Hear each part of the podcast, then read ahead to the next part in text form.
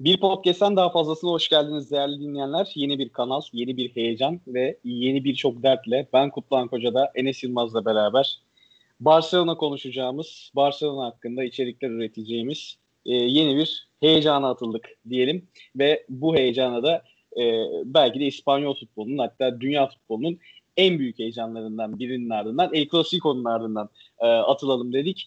E, öncelikle hepinize selam e, ve e, bugün e, tabii ki Enes Yılmaz benimle beraber olacak. Bir de e, çok da sevmediğimiz bir konuğumuz olacak. E, öncelikle ben tabii ki partnerime hoş geldin demek istiyorum. Enes hoş geldin. Hoş bulduk abi nasılsın? E, idare ediyoruz abi. E, seninle bir Arsenal içeriği e, üretiyorduk bir mecrada. O mecranın ismini az sonra e, söz aktaracağım kişi söyler. E, ve e, farklı bir mecrayı, e, kendimize ait bir mecrayı oluşturup e, Barcelona hakkında dertleşebileceğimiz bir içerik üretelim dedik ve e, böyle bir işe girişlik El Clasico'nun ardından Barcelona'nın e, hüzünle ayrıldığı El Clasico'nun ardından e, neler söylersin? Abi heyecanlıyız, mutluyuz, umutluyuz. Umarız bu kanal iyi yerlere gelir. Yani Barcelona'dan daha iyi yerlere geleceğini e, düşünerek girdik zaten bu işe ki bu da çok zor bir e, şey değil zaten bir hedef değil. Evet, e, umutluyuz dedin hemen konumuza geçelim o zaman. Ee, Umut Öztürk hoş geldin. Sen bir konu geçişi cambasısın. Öncelikle bu övgüyü sana vermek istiyorum. Programda ben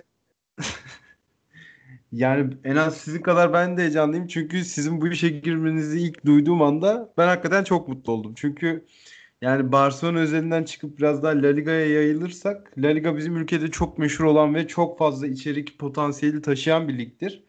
Hani o 2000'lerin ortasında falan La Liga NTV Spor vasıtasıyla hayatımıza girdi ve hepimizin herhalde küçüklüğüne denk gelen o dönem aslında bizim için altın çağıydı. O yüzden hepimiz için La Liga bilhassa Barcelona'nın da altın dönemi olduğu için Barcelona. Sen şu an pazarlık mı yapıyorsun bizde? Ben bir, bir bunu çok önceden kurdum da size karşı sevgi evet. sözcüklerimi sıralıyorum. Evet, son dakika haberi kanalın adı La Liga Cast oldu arkadaşlar.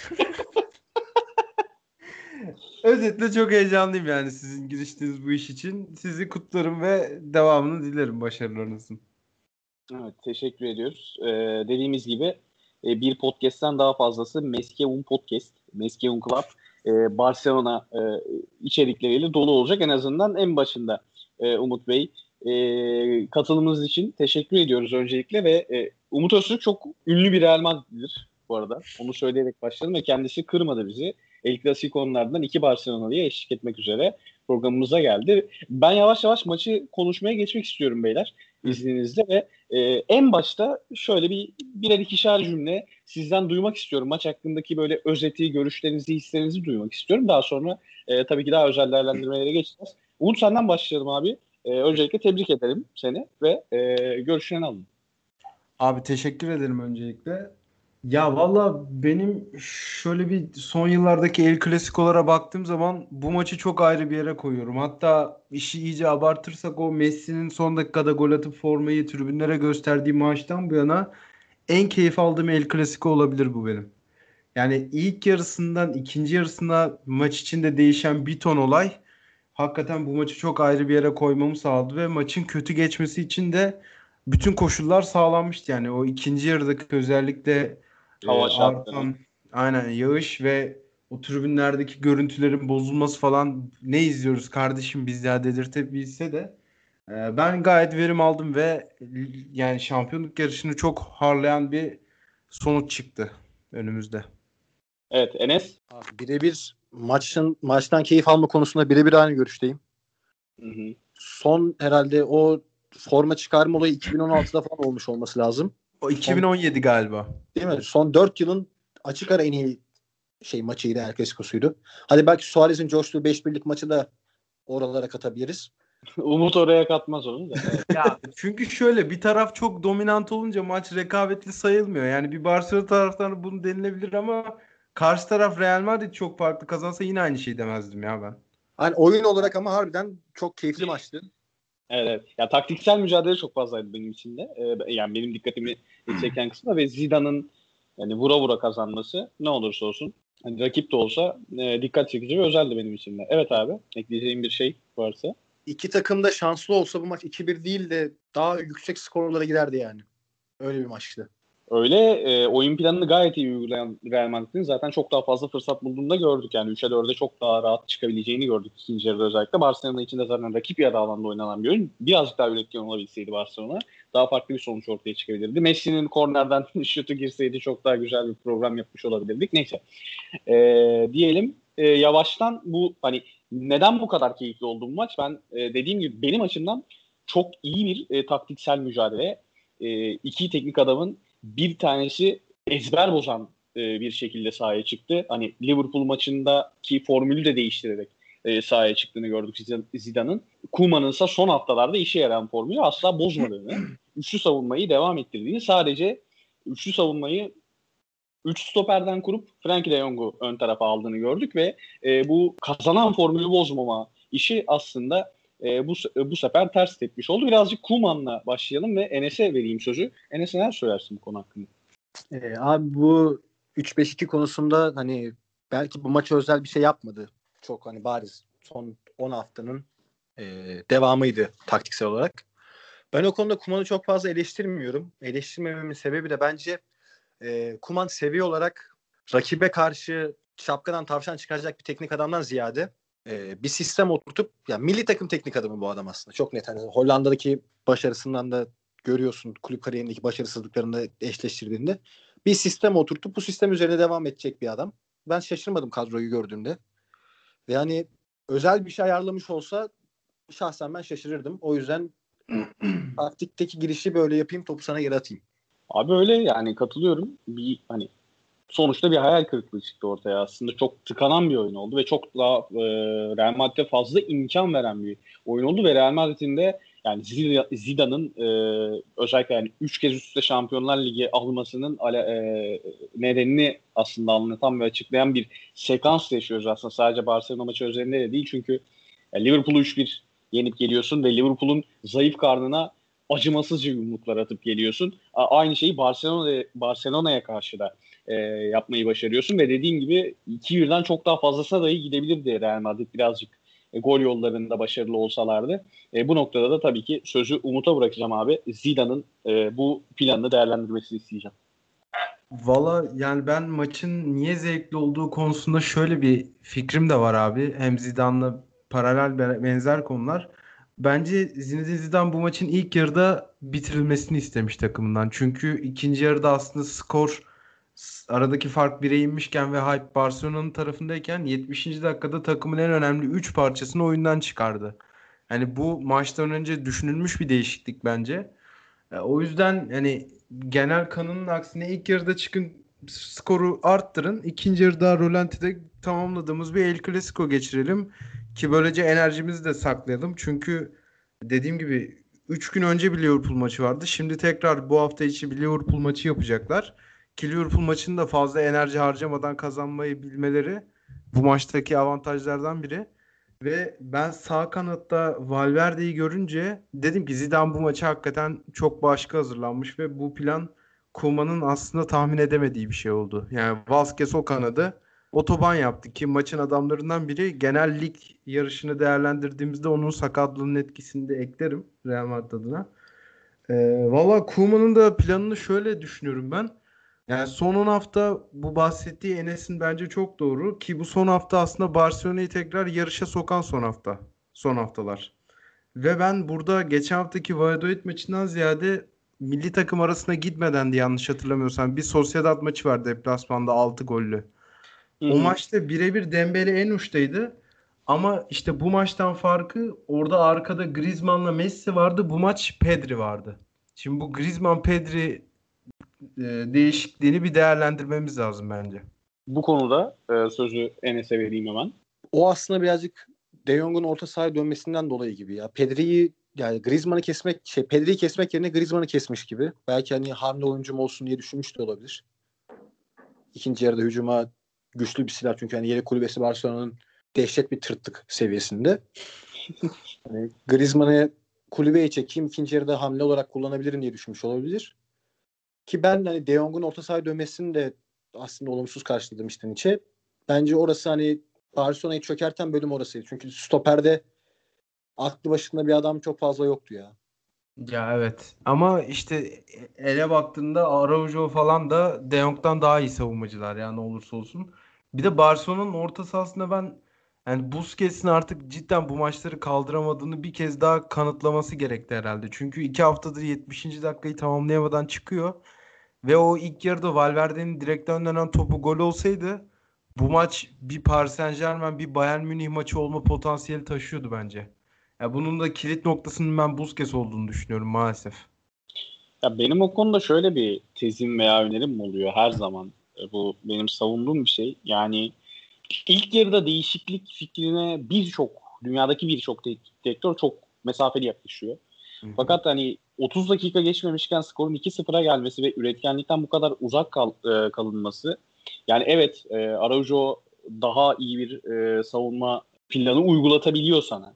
Daha sağlam durabiliyorsun fakat bir şekilde Real Madrid kontra ataklarla, bir duran topla, hani şansla, oyla buyla fark etmez. Bir şekilde 2-0'ı bulmuşken e, ve e, senin de dediğin e, yani hepimizin vurguladığı gibi e, bir Liverpool maçından geliyor. Çok sert bir maçtan geliyor artık. E, Şampiyonlar Ligi seviyesinde çeyrek finalden bahsediyoruz.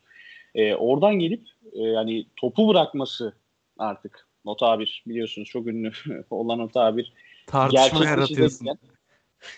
Ben severim. İlk programdan severim. O tarz bir oyuna daha da evrileceğini e, düşünerek 30. dakikada 35. dakikada dahi o Busquets hamlesini belki de yapması gerekiyordu. E, fakat e, bu hamle 64. dakikaya saklı. Özellikle Busquets üzerinde söylüyorum. Ve ikinci yarıya işte Dest e, Griezmann hamlesiyle başlandı. Yani taktik olarak aslında e, hani aynı noktadayız. Zidane'ın bir şekilde hani hem 11 tercihi, Valverde tercihini zaten vurguladı Umut. Hem de oyun içindeki tercihlerin zamanlaması vesairesiyle e, bir şekilde galip çıktığını görüyoruz. Diyelim ve e, yavaştan oyuncu değerlendirmesine geçelim abi. Ben ilk olarak hani Real az çok konuştuk, Valverde'yi vesaire konuştuk. İlk olarak bir Barcelona dertleşmesi yapmak istiyorum. E, Dembele diyorum ve Enes'e sözü veriyorum. Abi set oynarken Dembele'yi en uca atmazsın ya. Busquets'ten önce çıkması gereken adam Dembele'ydi ya. Set oynuyorsun. Ne işi var bu adamın takımda ya? Evet. Benim Evet. Dembele geleli 4 yıl oldu mu? Oldu. Dembele dair hatırladığım tek güzel an Tottenham'a karşı böyle bir kontradan kontradan gidip attığı gol var Şampiyonlar Ligi'nde. Inter'li Tottenham'lı grupta. Onun dışında ben bir artısını görmedim bu adamın. Ben bir taraftar olarak ortalama 2 yılda bir lisanslı ürün alıyorum. Forma koleksiyonumda en az böyle 3-4 tane Barcelona forması var. İstanbul'dan Dembele'nin verdiği katkıdan daha çok katkı veriyorum bu kulübe ya. Böyle bir şey olamaz ya. Skandal. Dembele tamam ama Barcelona'nın Dembele süreci büyük skandal. Yani katılmamak Evet. elde değil ya bu çocuğun yakarışlarına. Bunun böyle var yani arada 1-2 dakika böyle dişi yakarış vardı ya Şahan çıkabilirdi. Onun gibi böyle atıyor böyle. Dembele'ye atıyor bir yerlere atıyor. Arsenal konusunda ge- bulduğuna sallıyor zaten. Arsenal konusunda her çakaya makaya kimi bulursa sallıyor Arsenal'da çok fazla çünkü. Ee, Barcelona'da da sallayacak kişi fazla ne yazık ki. Kurban da Dembele oldu. Ama Aramıza abi yani haksız değil ama çünkü geçen hafta tamam galibiyet golünü attı 90'da falan ama yine en uçta Dembele varken de çok çok iyi bir Barcelona izlemedik geçen hafta. Dediğim gibi bu Sociedad maçı birazcık herhalde gözleri boyadı ama ya ben o maçı izledim. O maç işte o arkada Zübimendilerin, Zübeldiyaların ve kaleci Alex Remiro'nun herhalde bu sezon oynadığı en kötü maçtı abi. Çok fazla bireysel hatadan bir anda maçı hediye ettiler. Yani bilmiyorum ben bir daha göreceğimizi düşünmüyorum mesela Dembele'yi en uçta. Bu Abi sondu. bak- İddia ediyorum set oyununda Pique'ye git en uca at. Fatih Terim taktiğiyle. Evet. Dembele'den 15 kat daha fazla verir. Ya bu arada hani programın bir noktasında oraya geleceğiz. Ee, ben yine Enes'e bir söz vereceğim. Enes yine bir haykırış yakarış yapacak ondan eminim ama yani şunu bir ufak vurgulayıp geçelim. Kadro planlaması ve kadro mimarisinde o kadar büyük açıklar var ki Barcelona açısından. Yani set oyununda Barcelona hani set oyununda Dembele olmaz dediğimiz noktada kenardan gelen oyuncu yine set oyununda olmayan ve Barcelona'nın Atletico'dan neden aldığını akıl sır neden aldığını akıl sır erdiremediğimiz Griezmann yani e, enteresan bir kadro mimarisi, enteresan bir çarpıklık. Evet buyur abi. takımın ideal hücum üçlüsünün üçü de sol ayak olur mu ya? Bu nasıl bir saçmalık ya? Evet. Evet.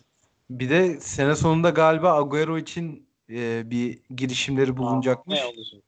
Valla saçma sapan bir karar olur. O zaman Suarez'i neden gönderdin? Yeni bir Hala sahip- Messi gelecek. Yani. Neyse e, konu dağılmasın. Oraya sonra geçeriz bu dertleşme olayını. E, bu hani Barcelona'da tabii ki e, Dembele konusunu konuşmak gerekiyordu. Busquets konusunu e, konusunu konuşmak gerekiyordu.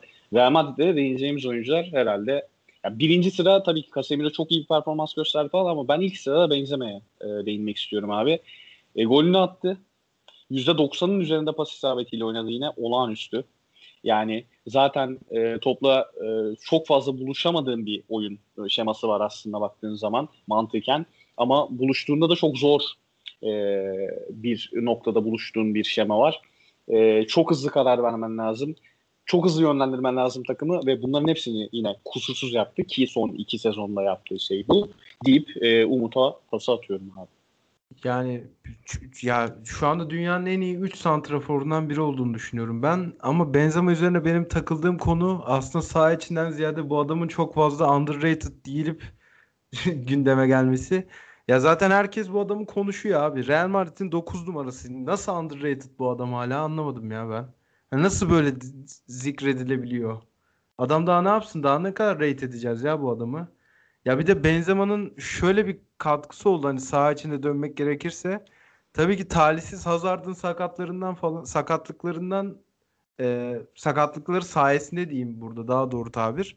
Vinicius Junior şu anda Real Madrid'in sol kanat oyuncusu oldu ya Benzema ile oynuyor oynaya. Çünkü Evet. e, sağ kanattaki oyuncu biraz daha orta saha kimlikli olduğu için bunlar maç içinde çift forvet gibi takılıyorlar ileride. Ve herhalde dünyada çift forveti Benzema'dan daha iyi oynayacak bir oyuncu olduğunu zannetmiyorum ben. Ya tabii ki bireysel olarak değerlendiririz ama ya bu maç için yine Real Madrid adına artı katan bir performans. Ve rakibin savunmacıları falan çok toydu yani hiç Benzema'yla mücadele edecek gibi gözükmediler ilk dakikadan bu yana.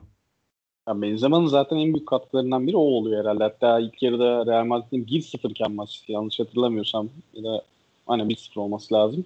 E, attığı bir kontra vardı. Modric'in mükemmel pasıyla başlayan ve Vinicius'un olağanüstü deparıyla gelişti. O atak hakikaten bir hani e, Haaland Sancho e, kontra atağını an, kontra atağını andıran bir e, kontra atakta hakikaten. E, birbirine çok alışmış iki oyuncunun attığı koşu ve Benzema'nın tabii ki o koşuyu devam ettirerek e, Vinicius'a alan açmasıyla beraber Vinicius'un arka direğe çok güzel pası. Ki Vinicius'un karar alma noktasında bu kadar gelişmesinde de bence Benzema ile beraber yaptığı antrenmanların çok büyük önemi var. Ki bu ikilinin e, çok fazla tartıştığı hatta Benzema'nın şuna pas atmayın minvalinde şeyler söylediği videolar da çıkmıştı ortaya. O tarz e, nasıl derler entrikalar da dolaşmıştı. Ama yani bugün gelinen noktada Real Madrid şu an liderin bir puan gerisindeyse ve bunun bunda birçok oyuncunun payı varsa en çok da herhalde Benzema'nın ve e, bir başka oyuncuya geçiyorum hemen. Evet, Ee, aynı Casemiro'nun- ismi düşündük sanırım. Aynen. Casemiro'yu. Evet. Casemiro'yu mu düşündük? Aynen. Buyur abi. Ya abi valla ben şöyle bir fantezik tahminler yaptım kendimce. Ben keşke Casemiro 2010'ların başında Jose Mourinho'nun elinde olsaydı diye hayıflandım. Çünkü ya Jose Mourinho işte Busquets, Iniesta, Xavi üçlüsünü durdurmak için o hani bizim en yakından takip ettiğimiz o 3 kupalı Barcelona'yı bozmaya çalışan Real Madrid mücadeleleri vardı ya. Orada Hı. Jose Mourinho üçlünün ortasında Pepe'yi konumlandırmıştı ve biz de burada katil Pepe diye ülkede bir kahraman haline gelmişti. Ya ben eğer Casemiro şu anki haliyle o yıllarda olsaydı hiç böyle bir şeye tenezzül edeceğini düşünmüyordum. Çünkü o dönem Real Madrid hakikaten çok fazla maç kaybetmeye başlayınca o orta sahadaki sertliği kullanamadığı için birazcık bunlara maruz kalmıştı diyeyim. Ama Casemiro şu anda son yıllardaki Messi'nin de etkisizliğinin bence en büyük sebebi ve yani şu anda o da kendi pozisyonunda dünyanın en iyi 3 futbolcusundan biri olduğunu düşünüyorum ben. Her maç rakibe karşı belli bir üstünlük sağlanmasının ana faktörü bence ya kendisi. Ya kesinlikle öyle yani rakip fark etmeksizin e, özellikle böyle ve en çok e, karşılaştı ve en çok da e, en kritik olarak değerlendirebileceğimiz rakip Barcelona'ya karşı da hakikaten Barcelona'nın en önemli oyuncusunun e, en önemli maçta 7 maçtır e, skor üretememesinin e, en büyük sebeplerinden biri senin de dediğin gibi bu maçta da sahanın en çok top kapan oyuncusuydu. Sahanın en etkili oyuncularından biriydi 89. dakika kadar tabii ki. E, burada e, Casemiro'nun yarattığı etkiyi e, ben birazcık Enes'le e, değerlendirmek istiyorum. Barcelona cephesinden bakmasını dileyeceğim Enes'ten. E, Barcelona'nın bu iki stoperi de oynamayan, e, iki stoperinin de çeşitli sebeplerle oynamadığı Real Madrid'de e, Real Madrid'e karşı nasıl bu kadar üretkenlikten uzak kaldığını e, değerlendirmesini isteyeceğim ve e, tabii ki bunda Casemiro'nun etkisi ve ön taraftaki yetersizliği konuşmasını diyeceğim. Abi Barcelona artık öyle bir takım haline geldi ki ciddi anlamda hani Messi'yi kilitlediğin zaman maçı %50-55 kazanıyorsun. Zaten büyük maçlar o yüzden Barcelona sürekli kaybediyor. Buradaki en büyük sıkıntı ise kadro mühendisi. Demin dedim hani en ideal 3 oyuncu, 3 hücumcu solak. Orta sahaya geliyorsun. İsim olarak baktığın zaman hani en yüksek standarttaki isimlerin üçü de aynı oyuncu baktığında. Pjanic, Busquets, De Jong. Aynı rolde oynaması gereken yani aynı rolün oyuncuları bu adamlar. Karşı tarafa geçiyorsun Real Madrid'e. Valverde'si var, Casemiro'su var. Hani orta sahaya sertlik koyacak adamları var. Ki bu adamların ayak standartları da yüksek. Hani Barcelona'nın hani o Cruyff'tan gelen teknik oyuncu, teknik oyuncu e, aşkına da aslında baktığın zaman uyuyor bu adamlar artık. Yavaş yavaş oraya evrilmeye başladı bu sert adamlarda mecburi olarak. Genel futbol e, durumunda. Barcelona abi hiçbir şekilde bu tarz oyuncuya yatırım yapmıyor. Paso teknik adam alıyoruz orta sahaya. Bu tarz maçlarda da sertlik gerektiren maçlarda da patlıyorsun. E, defansif olarak zaten buradan patladık. Hücumda da dediğim gibi Messi'yi kilitlediğin zaman bitiyor maç. Casemiro da bunu çok iyi yaptı ki bence e, hani Real Madrid kadrosunda bunu yapabilecek tek adam da Casemiro değildi. Valverde falan da yapabilirdi o işi. Bence bu kadar efektif yapabilirler miydi emin değilim ya. Ya Casemiro hakikaten özellikle El Clasico'larda abi e, en büyük faktör oluyor ya Real Madrid adına. Yani zaten yani, e, saha için buyur abi. Şimdi Varan'la Ramos yok ya. Bunlara Casemiro da eklense onu Valverde bir şekilde bence onun altından kalkardı kitlerdi yine Messi. Yani Casemiro'nun olmadığı düzlemde de Real Madrid zaten birinci yapacağı iş buydu. Bunu yapabilecek adam sayısı da işte birden fazla takımda. Onu demeye çalıştım ben az önce. Evet evet. Ya bu arada Casemiro ikinci yarıda da çok zorlandı. Özellikle Moriba'nın girişi hani böyle sallıyoruz ediyoruz. İkinci yarı Barcelona açıkçası maçı kazanacak futbolu da oynadığını düşünüyorum ben. Yani bilmiyorum maçın ikinci yarısına da değinir miyiz? Yani ilk yarıda ne kadar kötü bir Barcelona varsa ikinci yarıda da tam tersi bir Barcelona vardı. Tabi burada o bence en zayıf karın olan Sergio Dest'in çıkıp o üçlüden dörtlüye döndükten sonra Real Madrid biraz afalladı yani. Zaten bir enerji kaybını da olacağını bekliyorduk Real Madrid adına. Ee, ki ben hakem konusunda da değerlendiririz programın ilerleyen dakikalarında. Barcelona'nın belli bir nebzede hakkını da yendiğini düşünüyorum bu maçta. Ya şöyle e, değineyim o konuya. Tabii ki ikinci yarıda daha üretken olan ve daha e, karşı taraf, karşı sahada, rakip sahada daha e, fazla e, vakit geçirebilen, en azından rakip ceza alanı çevresinde 3. bölgede daha fazla e, rakibi tehdit edebilen bir Barcelona gördük. O konuda e, evet bir sorun yok. Hatta Moriba'nın son dakikadaki şutu bir şekilde e, kaleyi bulmuş olsa e, çok daha farklı şeyler konuşuyor olabilirdik. E, fakat e, ya bunlar olurken benim takıldığım noktalardan bir tanesi de şu. E, her ne kadar Barcelona ön tarafta bu kadar baskı yaparken skoru alamadığı her dakikada da arkada o skorun 3'e 4'e gidebileceği e, şanslar verdi Real Madrid'e. Ben o yüzden birazcık da e, tabii ki Barcelona daha çok risk aldı. Real Madrid daha çok yoruldu. Çok e, yorucu ve zor bir maçtan geliyorlar. Tabii ki zaten hani bunu bekliyorduk. Bu beklenebilecek bir şey ikinci yarıdaki Barcelona'nın baskısının artması. E, fakat e, ben yine de e, Real Madrid çok e, baskın oynayıp kazandı demiyorum. E, zaten ilk yarıdaki sezonun ilk yarısındaki maçı da e, birbirimize konuşmuştuk yani Real Madrid çok daha rahat kazanmıştı o maçı. Tabii ki öyle bir şey olmadı. Barcelona çok daha rahat bir şekilde buradan puan çıkartabilirdi, puanlar çıkartabilirdi. Ama e, dediğim gibi o önde baskı e, olduğu sırada da arka tarafta çok büyük boşluklar yine oluştu. Buradan şeye geçelim istiyorsanız. Bu hakem değerlendirmesi ve hani Kuma'nın da açıklamaları oldu bu konuyla alakalı. Ee, onu bir e, kısaca isterseniz e, şey yapalım. Umut sen zaten girmiştin konuya abi. Devam et. Oradan da Enes'e geçelim. Ya ben e, pozisyonun penaltı olduğunu düşünüyorum ben. Yani hiç uzatmadan direkt gireyim. Ve o dakikalarda gelecek bir beraberlik golü bence Real Madrid adına kurtarılmazdı o noktadan sonra. Yani çok kalp krizi bir şey olacak. Son 10 dakikaya girilmişti diye hatırlıyorum o pozisyonda. Evet, evet. 83 Zaten- 84. dakika. Zaten 83. şu- dakika. e, Aynen. kusura, şöyle küçük bir böleyim abi. Kusura bakma. 83 Ee, ezberlemiş. Mingeza'nın golü falan çok güzel dakikada geldi yani. O dakikadan sonra Tabii, hakikaten tabii. maçta kazanabilirdi. Ve bu pozisyon penaltı yani. Buna niye vermediler anlamadım ben. Enes. E, niye vermediler kanka? Orada birazcık kötü oynadı şey ya. Braithwaite, Sir Braithwaite kötü oynadı orada birazcık. Abi Vara Messi falan da Vara Messi gitmedi değil mi o pozisyon? Yanlış hatırlamıyorum. Vara gitmedi yok. Çağırmadılar. Orada birazcık düzgün oynasa Vara giderdi. Çünkü ayaktan temas yok. Elden çekiyor hafif. Bu paşamız ayaktan temas varmış gibi attı kendini.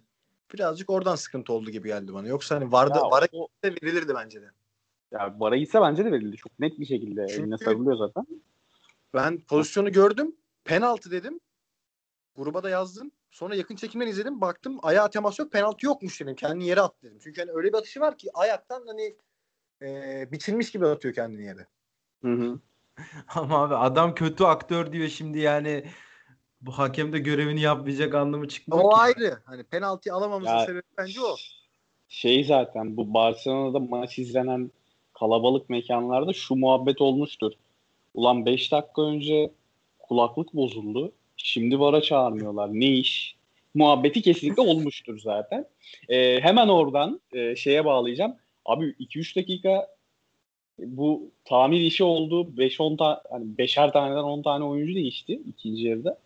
Ee, hadi bir tanesi ikinci yarının başıydı. 9 tane oyuncu değişti. Ve e, sadece 4 dakika duraklama geldi. Onu ne diyorsunuz? O konu hakkında ne düşünüyorsunuz? Yani zaten Kuman'ın maç sonrası yaptığı açıklamaların da temeli bu iki konuydu abi. Aynen. Aynen. Ya Kuman'a kötü planlı çıkılan bir El Clasico'yu kapatma fırsatından başka hiçbir şey sunmadı vallahi bu kötü hakem yönetimi. Aslında maç içinde kötü de yönettiğini düşünmüyorum ben. Ülkenin iyi hakemlerinden biri ama bu ikinci yarının son 10 dakikasında birazcık Real Madrid'e şu maçı kazandıralım da zaten hani Atletico Madrid'in de hakemlerle çok büyük başı dertte şu son 1-2 aydır falan Levante maçıyla başlayan bir süreçte ligi tekrar kızıştırdılar. Yani öyle söylentiler var tabii ülkemize anımsatıyor bu söylentiler bize. Üç büyükler. Aynen öyle. Şu anda yarış tekrar inanılmaz hale geldi ya. Ya bilmiyorum benim kafamda soru işareti var birazcık. Akdeniz ülkesidir abi yapar bence. bunu. Ya bu arada e, İber Yarımadası Portekiz daha da beter bu arada o konuda. Hakem e, tartışmaların her zaman yapıldığı ligler olmuştur. İspanya'da ya, La Liga, e, El Clasico'da da yine e, direkt Kuman'ın ağzından taraftarlara veya sosyal medyaya kalmadan Kuman'ın ağzından serzenişler duyduk. E, diyelim e, birazcık da hani maçtan e, veya maçta yaşananlardan çıkalım. Çok önemli bir maç olabilir aslında bu. Çok tarihi bir maç izlemiş olabiliriz. E, Messi'nin bir açıdan çok net bir şekilde tarihi bir maçtı. 45. El Clasico'sunu oynadı ve e, sakatlığın dolayısıyla tribünde olan Sergio Ramos'u yakalayıp en çok El Clasico oynayan oyunculardan biri oldu. Ve bu acaba Messi'nin son El Clasico'su muydu yoksa Laporta bunu değiştirebilir mi diye soracağım ve Enes'e ilk olarak sözü bırakacağım. Abi ben gideceğini çok zannetmiyorum ya. Ben de. Ben kaldı diyorum. Beyler böyle olmaz ama. Konuşmanız Gidiyor. lazım. Gidiyor. Yok konuyu salmadık canım yani gü- güzel bir soru sordun. Tabii ki bir şeyler ekleyeceğiz. Tabii. ya Buyurun, Messi birazcık bu hani ben gideceğim ayakları falan yapıyordu ya geçen yaz. Abi Hı. onlar çok net blöftü ya. Messi dünyanın en aile babası adam yani. Hayatta ben yok taşınayım edeyim yenilik menilik hiç başını artacağını zannetmiyorum. Tamam ben bence blöf çekti. Res çekti. işe de yaradı. Ben sanmıyorum Messi'nin gideceğini. Barcelona küme düşsün Messi yine gitmez bak. Bu kadar da iddialıyım. Abi valla bir noktada vallahi sana katılıyorum. Ee, bir de ben na- nasıl diyeyim Messi'yi şu anda o rekabetçi seviyede görmüyorum. Yani Messi bunlarla uğraşacak bir halde değil. Çünkü Barcelona'da şu anda hani kalsa da taraftarın birçoğu kendisine hala sadık kalacaktır ve kanıtlaması gereken şeyler tabii ki var. Çünkü ortada belli bir başarısızlık var. Ama yanına eklenecek 2-3 parçayla beraber tekrar La Liga'yı domine edebilecek yetenekte bir adam bu. Ben yeni bir macera için pek hevesli görmüyorum Messi'yi açıkçası. Hele hele yani Manchester City Premier Lig'e falan hayatta adımını atmaz bence. Barcelona'dan bir gün ayrılırsa yani bundan 10 sene önce yaptığı açıklamanın gereği olarak işte Newell's Old Boys'a falan gider. Yani hikayesi öyle yazılır bu saatten sonra diye düşünüyorum. Ki hani tabii ki Messi'nin daha kalmaya yakın olduğunu düşünüyoruz. Ben de aynı fikirdeyim orada. E, Laporta'nın gelişinin de bunda etkisinin olacağını düşünüyorum. Hatta Enes'le daha önceki konuşmalarımızda da yani El Clasico öncesinde de konuşurken şunu diyorduk. Yani Laporta 1-2 ay önce gelmiş olsa herhalde Paris'i eleyecekmiş takım. Evet. Ee, gibi bir e, geyiğimiz vardı bizim. Ki hakikaten çok e, her anlamda olumlu bir etki yarattı. Yani e, mesela Ocak ayında, Aralık ayında Umut bir yazı hazırlamıştı. Başkanlık seçimiyle alakalı hatta. Hani o süreçte mesela borçlar ortaya çıkıyor işte Bartomeu ile ilgili saçma sapan yine şeyler ortaya skandallar ortaya çıkmaya devam ediyordu. Yani Haaland isminin heysini anamıyordun Barcelona kentinde adeta ve şu an o isim anılmaya başlandı. Ee, yani Messi'nin kalış sürecinde kimlerin gelip kimlerin gideceği de tabii ki etkili olacaktır. Ee, yani Neymar e, pardon e, Griezmann, Dembele gibi isimler kalacak mı? Neymar'ın gelişi mümkün olacak mı? E, ya da Haaland mümkün olacak mı? Ya bunlar da etkili olacaktır ama ben de çok acayip kötü durumda değilse kulüp e, ki Laporta bunu yani şu anki acayip kötü durumu düzeltebilecek yegane insan. Evet, evet. ona dayanarak zaten başkan seçildi. Çok rekor katılımla. 60 bine yakın kişi katılmıştı yanılmıyorsam. Başkan seçildi. Hı. Bir şey mi söyleyeceksin? Yok yok din, dinliyorum. Benim ya bende şey... bir huy vardır. Hani senin söylediklerine katıldığım zaman hı hı falan efekti veririm yo, kendim. Bir şey söyleyeceksin. Eklemek eklemek istersen ekle çünkü yani sen e, bu konuyu çok yakından takip ettin. Çok yakından biliyorsun. Diğer başkan adaylarıyla diğer başkan adaylarının ekonomik vaatlerini, Laporta'nın ekonomik vaatlerini de biliyoruz. E, o yüzden e, şu an ben de ekonomik olarak da psikolojik olarak da kalmaya daha yakın e, olduğunu düşünüyorum. Fakat tabii ki e, yapılacaklar da az değil. E, zaten az önce Dembele'yi konuşmuştuk. E, bu konuda birazcık Enes'in e, ben e, bizimle dertleşmesini istiyorum. Kimler gelir kimler gider abi ne diyorsun? Abi bu ilk şeyde e, Laporta'da acaba para var mı muhabbetine geldiğinde benim aklıma şey geldi.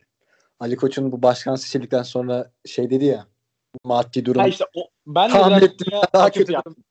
Yani ben de bire, biraz oraya atıf geldi. Çünkü 1 milyar 17 1 milyar 170 milyon euro e, diyebiliyorum ben. Öyle bir haber okumuştum yani. Hani bilmiyorum. Evet, Abi, buyur. Barcelona'nın bu konuda şöyle bir şansı var bence. Bu sezon özellikle çok net gösterdi bunu. Barcelona'nın rotasyon oyuncusuna para harcamaya ihtiyacı yok. Yani yeri geliyor 18 yaşındaki Pedri, işte 16-17 yaşındaki Moriba, Ilaish Moriba o açıkları kapatıyor. İşte defansa bakıyorsun Araujo çıkıyor, Minguez'a çıkıyor. Hani rotasyonu bir şekilde tamamlayabiliyor bu takım. Yıllarca yani Vidal, Vidal'lere, piyanistlere gerek yok kısaca. Gerek yok. Yıllarca Rafinha, Mafinha bu takımın rotasyon olarak kaldı. Barcelona'nın bence yapması gereken şey abi Beşiktaş'ın fedası. Yani şu an bu kulübün yapması gereken tek şey o. Griezmann'dır, Dembele'dir, Pjanic'tir, işte Löngle'dir, Coutinho'dur. Hiç abi yok şu kadar para verdik aman rezil oluruz, öyle olur, böyle olur. 30, 40, 20. Teklif geldiği gibi Umtiti. Bunları bir şekilde okutması lazım. Yani 3 ee, transfer. Her bölgeye 3 transfer. Bir defansın stopere bir takviye, orta sahaya bir takviye, bir tane hücuma takviye. Hani üçünün aynı anda olması şart bence. Hı hı. Depay gibi bonservis elinde olan adamları gidersin. İşte şeyleri takasla kullanırsın. Bu saydığım adamları takaslan bir şekilde göndermeye çalışırsın. Bu şekilde takımı toparlayabilirse toparlayabilir. Umut? Ya ben e, aslında ben feda olayını falan çok ütopik görüyorum abi. Yani tabii ki Enes bunu kendi şey e, görüşüne sığdırarak söylüyor ama ben Laporta gibi bir figürün burada feda dönemi gibi bir dönem ilan etmesi için seçilmediğini düşünüyorum ve Barcelona'nın şu anda bunu yapacak bir iklimi de yok açıkçası. Ya tabii ki çok büyük bir buhran var. Hem psikolojik olarak hem maddi açıdan. Ama Barcelona'nın şu anda hani daha içine kapalı Dortmund örneğini de verebiliriz burada. Öyle bir hale gelmesi en az 3 Real Madrid şampiyonluğu demek abi. En az. Ve bu da bilmiyorum yani Beşiktaş o dönem bunu yaparken hani çok yakın bildiğimiz bir örnek. Biraz daha iki büyük arasında değildi de hani Atletico Madrid mesela onu yapabilir. Ama Barcelona'nın ben yapısının hiç öyle şeyleri kaldırmayacağını tahmin ediyorum ya. Bir de yani rotasyon oyuncularına para vermesi gerekmiyor. Buna katılıyorum. Orayı bir şekilde altyapıdan devam ettirebiliyorsun. Bir süperstara ihtiyacım var ama bunu finanse edecek şu anda hiç durumu yok. Ama işte senin de bahsettiğin abi o Laporta'nın biraz daha psikolojik liderliği Haaland'ın menajeriyle görüşme yaptırabiliyor mesela ve ben Haaland yarışında eli güçlü olmasa da bir şekilde masada olacağını düşünüyorum Barcelona'nın. Ki bu sene Barcelona hala da şampiyon olabilir yani öyle oyun olarak tamam çok geride olabilir ama e, puan farkı tek maç sonuç olarak ve bu sene Barcelona herhalde sene başındaki en büyük yıldızından bir sene boyunca yararlanamadı. Hepimiz Ansu Fati sezonu diye bekliyorduk bu sezonu. Yani onun hmm. nasıl döneceğini bilmiyoruz şu anda sakatlıktan ama seneye onun da döneceği bir denklemde gerçekten bütün parayı tek bir yıldıza bastırarak birçok şeyi şimdilik halı altına süpürebilirler. Ki gelir de elde etmeleri lazım birazcık. Hı hı. Ya bu arada en büyük e, yıldızından yararlanamadı dedin. En büyük 3 yıldızından birini de en büyük rakibine gönderdi aslında. E, Atletico'nun lider olmasını sağlayan oyuncuya e, oyuncuyu kastediyorum tabii ki. E, bu arada tabii hemen e, şeye de geçelim. E, şampiyonluk yarışına da geçelim. 67, 66, 65 gibi olağanüstü bir noktaya geldi La Liga. Abi çok Gerçekten... kısa bir şey ekleyebilir miyim şampiyonluk yarışına geçmeden? Çok özür diliyorum sözünü böldüğüm için. Estağfurullah. İşte hani şey dedin ya Messi kaldığı zaman kim gider? Yani neler olur falan dedin. Ben e, sene sonu Koeman'ın gideceğini düşünüyorum. Yani tabii ki Messi ile aynı teraziye konulacak kadar e, güçlü bir figür değil şu anda ama Mesela şöyle bir trivia var elimde benim. 2007-2008 sezonundan bu yana Real Madrid'e iki maçı da kaybeden tek menajer oldu. Yani bu bilmiyorum bizim ülkede falan hiç gündem olmayabilir ama Barcelona taraftarı arasında yani bu ünvana sahip ya, olmak istemezsiniz herhalde birazcık. Tabii tabii. Ya şöyle öyle bir istatistik var abi. 3 maç üst üste Real'e kaybettiği son sekansta 43 yıl önceymiş. Yani. Yani o seriyi bozabiliyorsun. Bunlar önemli şeyler. Bir de bu sene çıktı bütün maçların ya yani bütün büyük maçların işte o bahsettiğimiz gerçi bunu off the record konuşmuştuk herhalde Juventus'un kötülüğünü. Bu evet. takım Juventus'a kaybetti. Paris Saint Germain'e kaybetti. E, Süper Kupa'da ortada bir kupa varken Bilbao'ya kaybetti. Real Madrid'e zaten düzenli yenilen bir Barcelona var. Yani biz düzenli olarak Xavi'nin oynattığı futbolun sekanslarını izlediğimiz sürece bence Koeman'ın zaten koltuğu rahatta değil. Ki Laporte onunla belli bir gelecek düşünüyordu başkanlık adayıyken. Ama e, ne olursa olsun sezon şampiyonlukla tamamlanmaz veya üçüncülükle tamamlanırsa ben pek ileri bir tarihte görmüyorum açıkçası geleceklerini. Abi ben şöyle ekleyeyim. Ben şampiyon olsa bile Kuman'ın gideceğini düşünüyorum ya. Abi Bu ya. Bu soruyu soracaktım. Kuman'ın kaderi sizce ne olur şampiyonluk veya şampiyonluk o şampiyonluk gelmemesi halinde diye. Buyurun abi. Ben şu sebepten dolayı söylüyorum. Şu anda baktığımızda futbol hani Laporta'nın bir önceki dönemine göre daha çok teknik adam üzerine okunan bir oyun haline geldi. Buna rağmen hani Laporta'nın ilk dönemine baktığında adam mutlaka elit seviye teknik adamla çalışıyordu. Ki Barcelona belki de son 15 yılına baktığında e, elit seviye sayabileceğin 3 teknik adamdan ikisi Laporta döneminde. Yani bir de Luis Enrique'yi sayarım ben şahsen. Kuman falan hani ilk 20'ye ilk 30'a zor girer ya. O liste çıkarsan yani. Kuman bana geldiği ilk günden beri geçici bir Evet. E, ya aslında tek dönüş gibi geliyor. Yani evet. şeyde vardır. Ha, tabii söyle abi, söyle. Söyle, yani söyle. Bir küçük küçük örnek atacağım hani NBA'de vardır o interim koç diye.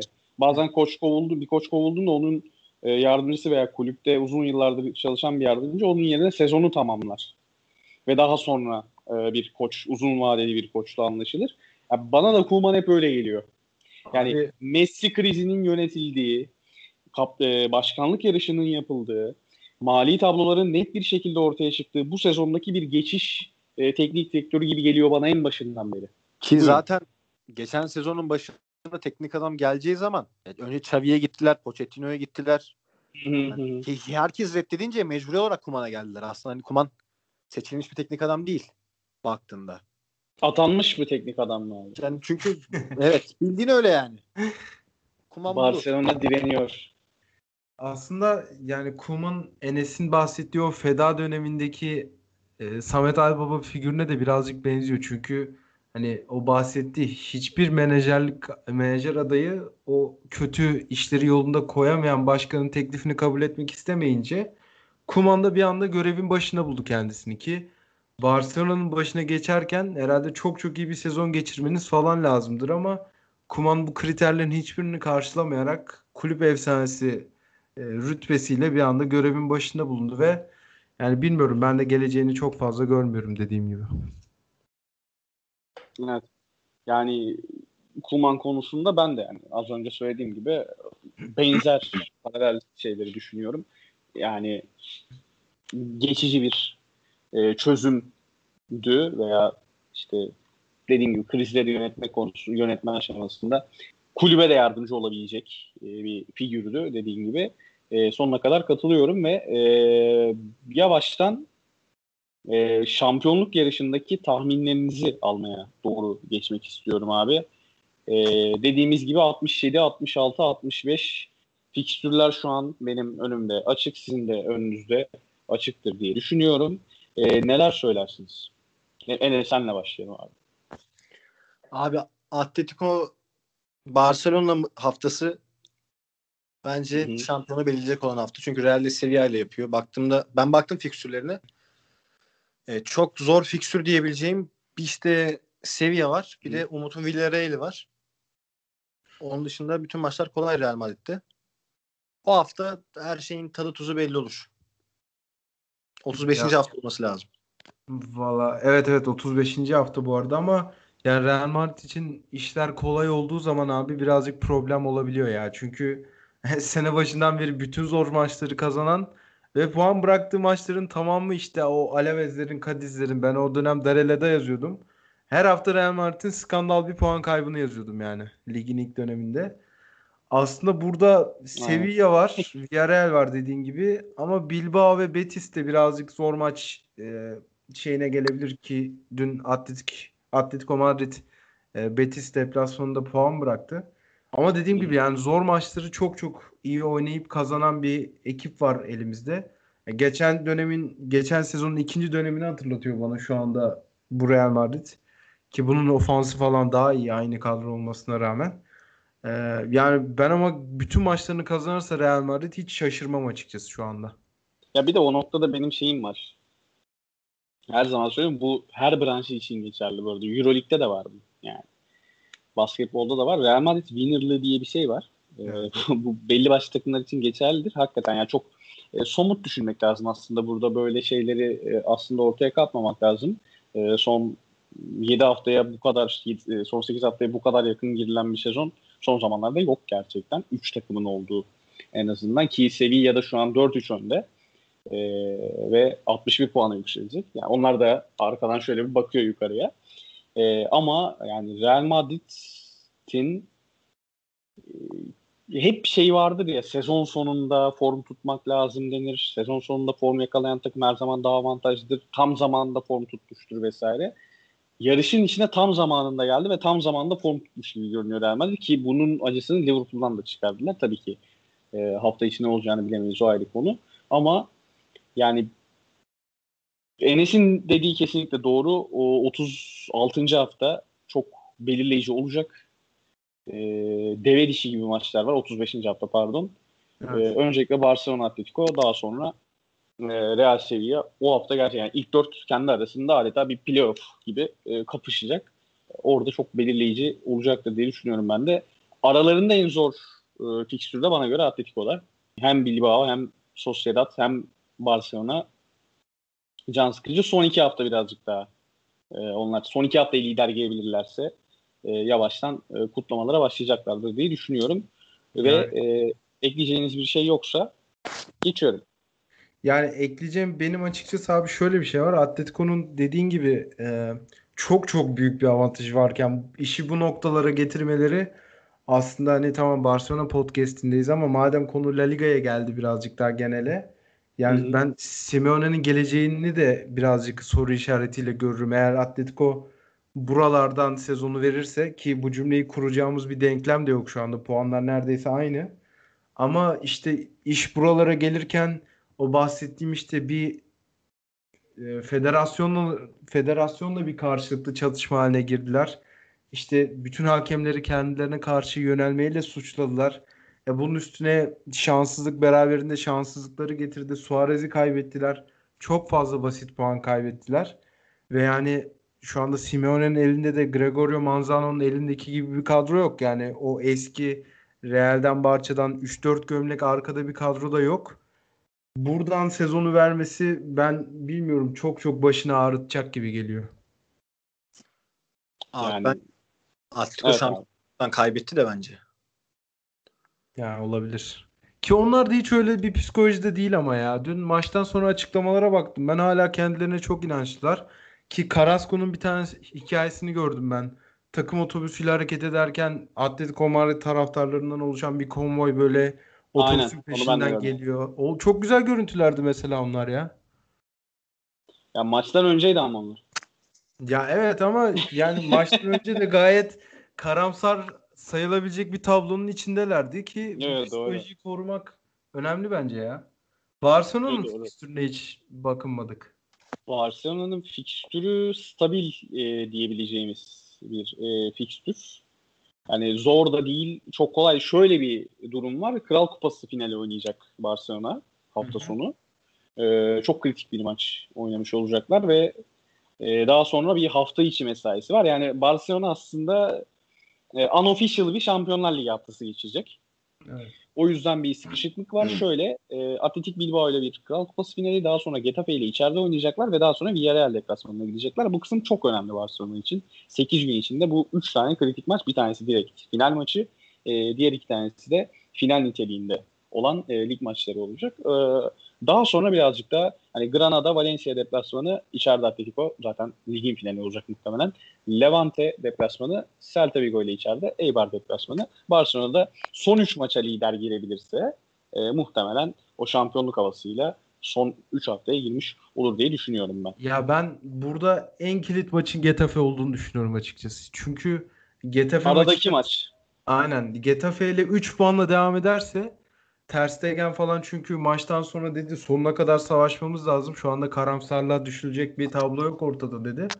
Ben fikstürünün de kolay olduğunu düşünüyorum Barcelona'nın. Yani Bence çok iki rakibe bakınca.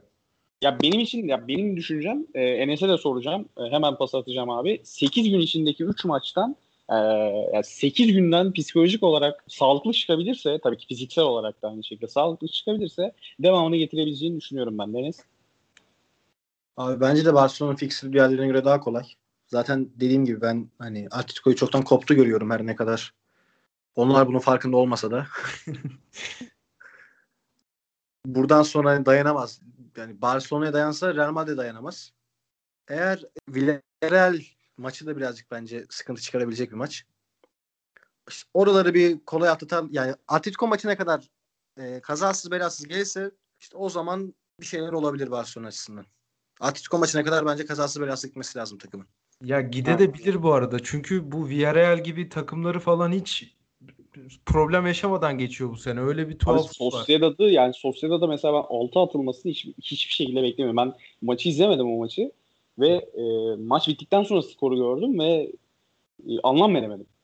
Yani Abi tabii zor yani. olması gereken bir maç o. Sevillalar falan olarak. çerez gibi gitti ya bu sene Barcelona Tabii açısından. tabii.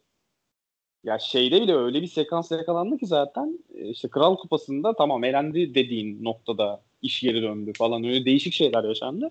Ee, hani Madrid maçını gerçekten Ter Stegen'in dediği e, gibi bir yol kazası olarak görüp savaşmaya devam ederse Barcelona ya, hakikaten kararlar bağlanacak bir durum yok. 19 maç üst üste yenilmemiş bir Tabii e, canım en son mağlubiyet Ocak'ta Cadiz'e karşı ya. Yani Kadiz'de herkes yeniyor zaten. evet evet. Kadar kim büyük geliyorsa yeniyordu yani. Normal gayet. Abi e, yani teşekkür ediyorum. Çok çok keyifli bir muhabbet oldu bence. İlk program için. Çok güzel bir şekilde açıyoruz bence. E, kanalımızı diyelim. Ee, Enes ekleyeceğin bir şey var mı? Arsenal konuşmayacak mıyız ya? Ya istersen konuşalım. Ben birazcık uzadı diye çok girmedim. Ama bu arada onu söyleyelim. Hani bizim Premier Cast'te e, ki Invincibles, Arsenal konuştuğumuz programın içeriğinde bir son 5 dakika Barcelona vardır. Burada da son 5 dakika Arsenal olacak. İsterseniz konuşalım. Ya Umut- ben Ya da özür ben Umut kesin- bu Umut kesin yakalayamam diye bugün Tamam, çok Umut- fazla La Liga konuştum abi. O yüzden birazcık programın e, süresini uzattım. Şimdiden özür dilerim sizden ve dinleyenlerden ama siz zaten her gün konuşacaksınız bu kanalda artık. Yani Bizim gibi konuklar fırsat yakalayınca rol kesiyor böyle. estağfurullah. Vallahi Arsenal konuşacaksanız da başka konularla İşte- manipüle edebilirim yani Ben istersen. zaten Arse- yayından önce Umut dediği için ortaya attım. Yo doğru doğru ben zaten konuşmak istiyorum aslında ama ufak, e, ama birazcık hani zamanı mı açtık diye onu hesaplayamadım. O yüzden e, şey yapacaktım ama Kanal konuşalım. Ya ne olacak? Konuşalım. Konuş, aynen öyle. Konuşalım abi. Ben Konuşalım. Arsenal'den önce bir konu açmak istiyorum. Ay yandık. Hadi kaç hadi. Kaç oldu? Bu Covid sürecim beni e, çocukluk yıllarımdaki e, bilgisayar oyunlarına götürdü ve Amerikan B 90'ların ortalarındaki B movie'lere sarmış durumdayım. Bugün izlediğim iki filmin adını vereceğim şimdi size. Ve bir trivyam var onu da söylemek isterim. Bugün Evet. sabah uyandıktan sonra Super Mario Bros. isimli filmi izledim abi ben. Tamam. Ee, film dünyanın en kötü filmi. Yani burada uzun uzun bahsetmeyeceğim ama zaten Google görsellerden bakarsanız anlayacaksınız.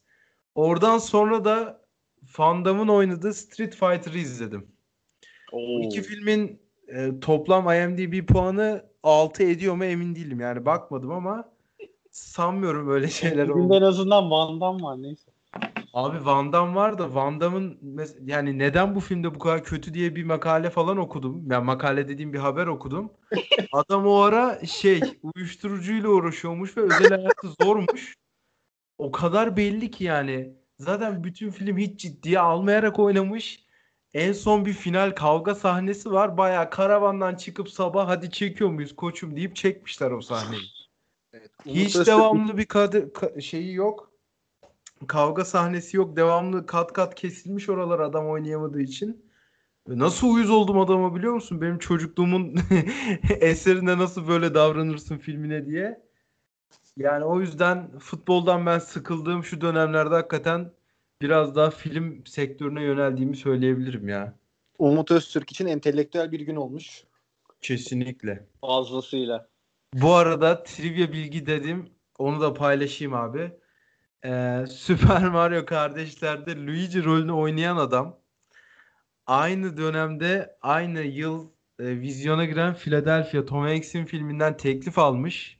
Antonio Ama- Banderas'ın oynadığı karakteri oynaması için adam Super Mario Bros'u seçmiş ya. Philadelphia o, o yıl Oscar'lara koşarken bu adam da işte Luigi rolünde 3.0'lık bir puanlı filmde. Oğlum bu şey gibi lan. Bu şey gibi lan. Ee, yani çok hayvan gibi iyi bir takımdan teklif alıp hayatını yaşamak için. Batuhan Karadeniz lan bu. O adam Ben- hala 30 yaşında değilmiş biliyor musun ya? Oha. Şaka yapıyorsun. Harbi diyorum geçen gün bir yerde gördüm. 29-28 yaşında falan hala. Çok acayip. Bu az önce söylediğin abimizin aldığı kararlar da beni kendi özel hayatıma götürdü.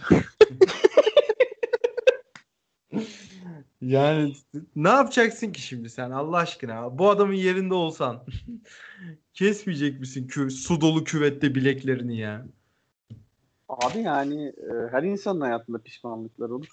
Ben o adamın yerinde olsam açardım PlayStation birimden Super Mario'yu. Ya da işte ya Mario Ya PlayStation'da onun öyle bir yüzü yok abi. O filmde oynadıktan sonra Ben sana bir şey diyeyim mi? Yok. Yani PlayStation falan sokmam önüme. Ki o zamanlar çok meşhurum. Yani ilk olarak ilk olarak Mario falan.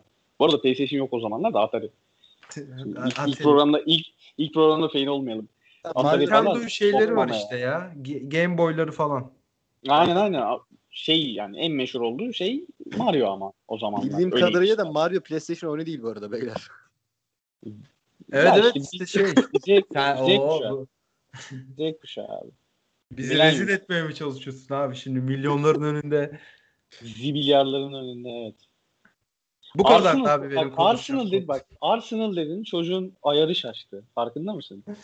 Abi bunu çok paylaş. Bunu çünkü kimseye paylaşmadım bugün. Abimle falan da hiç konuşmadık. Benim bu iki filmi izlediğimi, bunlara Evet, mesai harcadığımı bir yerden duyurmam lazım. Yani bizim program bizim bizim programın bu kadar rezil bir formata e, evrileceğini düşündüğün için gerçekten teşekkür ediyoruz bize yapıştırdığın için öncelikle. Abi yani. Yani baktım programın Bak- böyle bir bölüm var. Ha. Abimle konuşamadım bari burada anlatayım. Evet evet beni dinliyorsa Alican yani bu tarz sen abinle konuşamadın her konuyu bizle konuş. Biz senin Abi Can kusura dostum. bakma da Arsenal konuşacağımıza bu bilgiyi şimdi her yerde satarız mesela. Bu üçlü oğlum Arsenal'ın futbolu Arkadaşlar. oynadığı futbol. Arkadaşlar Arsenal konuşacağımıza diyen adamın Premier Lig üzerinde bir podcast kanalı var. Vallahi abi çok güzel Ve bir konuya çok- parmak bastın. Çok kaliteli içerikler üretiyor çok şaşırıyorum. Anla- anlamıyorum yani. Yani burada blow üstüne blow geldi ama ben genel olarak futboldan falan çok soğuduğumu hissediyorum bu dönem. Özellikle Çünkü, çünkü Yani- Süper Lig izliyorsun ve Süper Lig'i izlemek zorundasın. Çünkü tuttuğun takım şampiyonlar gidiyor. abi evet yani sadece Beşiktaş'ı izleyeceğim bir denklem oluşturmam lazım. Çünkü Premier Lig'de ne olursa olsun izlediğim hiçbir şeyden keyif alamamaya başladım.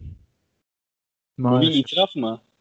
Yani bu bir itiraf yani yaptığımız işe karşı olan Bir şey diyeceğim. Bir şey diyeceğim. Programın programın girişinde de değişik şeyler söyledi. Sen bu kanala mı gelmeye çalışıyorsun? Gelebilirsin. Yani abi yani daha CV'mi mi atayım yani daha ne şurada bir kanka. var benimki. Evet arkadaşlar an- şakaydı gerçek oldu. La Liga Kest'e hoş geldiniz. Allah Mevlüt belirecek şimdi oradan bir yerden. La Liga 2'yi konuşayım mı ben tek başıma diyecek. Racing Santander. Öyle abi benim bugünkü La Liga ve e, Hollywood üzerine söyleyeceklerim bu kadardı. Güzel. Ee, Teşekkür ederim. teşekkür ediyorum tekrardan ya. Ben de çok keyif aldım şaka bir yana. Yani güzel bir program, güzel bir içerik başlangıcı oldu diye düşünüyorum ben. Çok keyif aldım ben de. Ee, ağzına sağlık abi. Enes var mı ekleyeceğin? Arsenal dedin değişik yerlere gittik. Bir şey eklemek istiyorsan artık. Tamam gerek yok. Salalım Arsenal'i. Arsenal'i konuşuruz zaten önümüzdeki hafta. Evet. Ben evet. sana Milan, Milan için falan da söz hakkı vereceğim bu arada. Arada Milan falan da... Bak şöyle yapalım bence. Arsenal'in sonunda Barcelona konuşalım. Barcelona'nın sonunda Milan konuşalım. Olabilir. Milan'ın sonunda ne konuşalım? Arsenal. Milan da yapacağız. Bu noktada Milan da yapacağız. dinlemek için hangisini dinlememiz lazım abi özetle? Arsenal'in son 10 dakikası bir de bu podcast. Aynen. Yani. Ya bu podcast yok lan. Bu podcast yok. Bu podcast Milan için. Barcelona için de diyor oğlum. Tam Barcelona için yok şu an. Barcelona için Milan'a Aynen. başlayacağız. Milan'ın sonunda Barcelona Aynen. konuşacağız. Aynen aynen. Milan'ın sonunda da ben bir 10 dakika isterseniz B-movie bilgimi Tabii kusabilirim. olur bak olur süper olur bak. Ya sana movie için kanal açalım mı? IMDB eksi 5. Abi evet süper ya. Beş- Böyle beş kötü eksi filmleri izleyip puanlı. yorumlamak istiyorum. Bu arada Evet. Mortal Kombat'ın da bir tane filmi varmış. Onu da çek Tamam tamam attım tamam. Tamam. ve bitiriyorum Ee, kendi İlk adıma. programımızı Ee, şaka bir yana gerçekten çok teşekkür ediyorum. Beyza. Ağzınıza sağlık. Çok keyif aldım. Ee, Evet. Umarım yani Umut'u da sık sık e, zaten konuk olarak alırız. Ee, sağ olsun kırmadı. Koronalı haliyle e, katıldı yayınımıza. Ve hiç öksürmeden, hiç öksürmeden bitiriyor.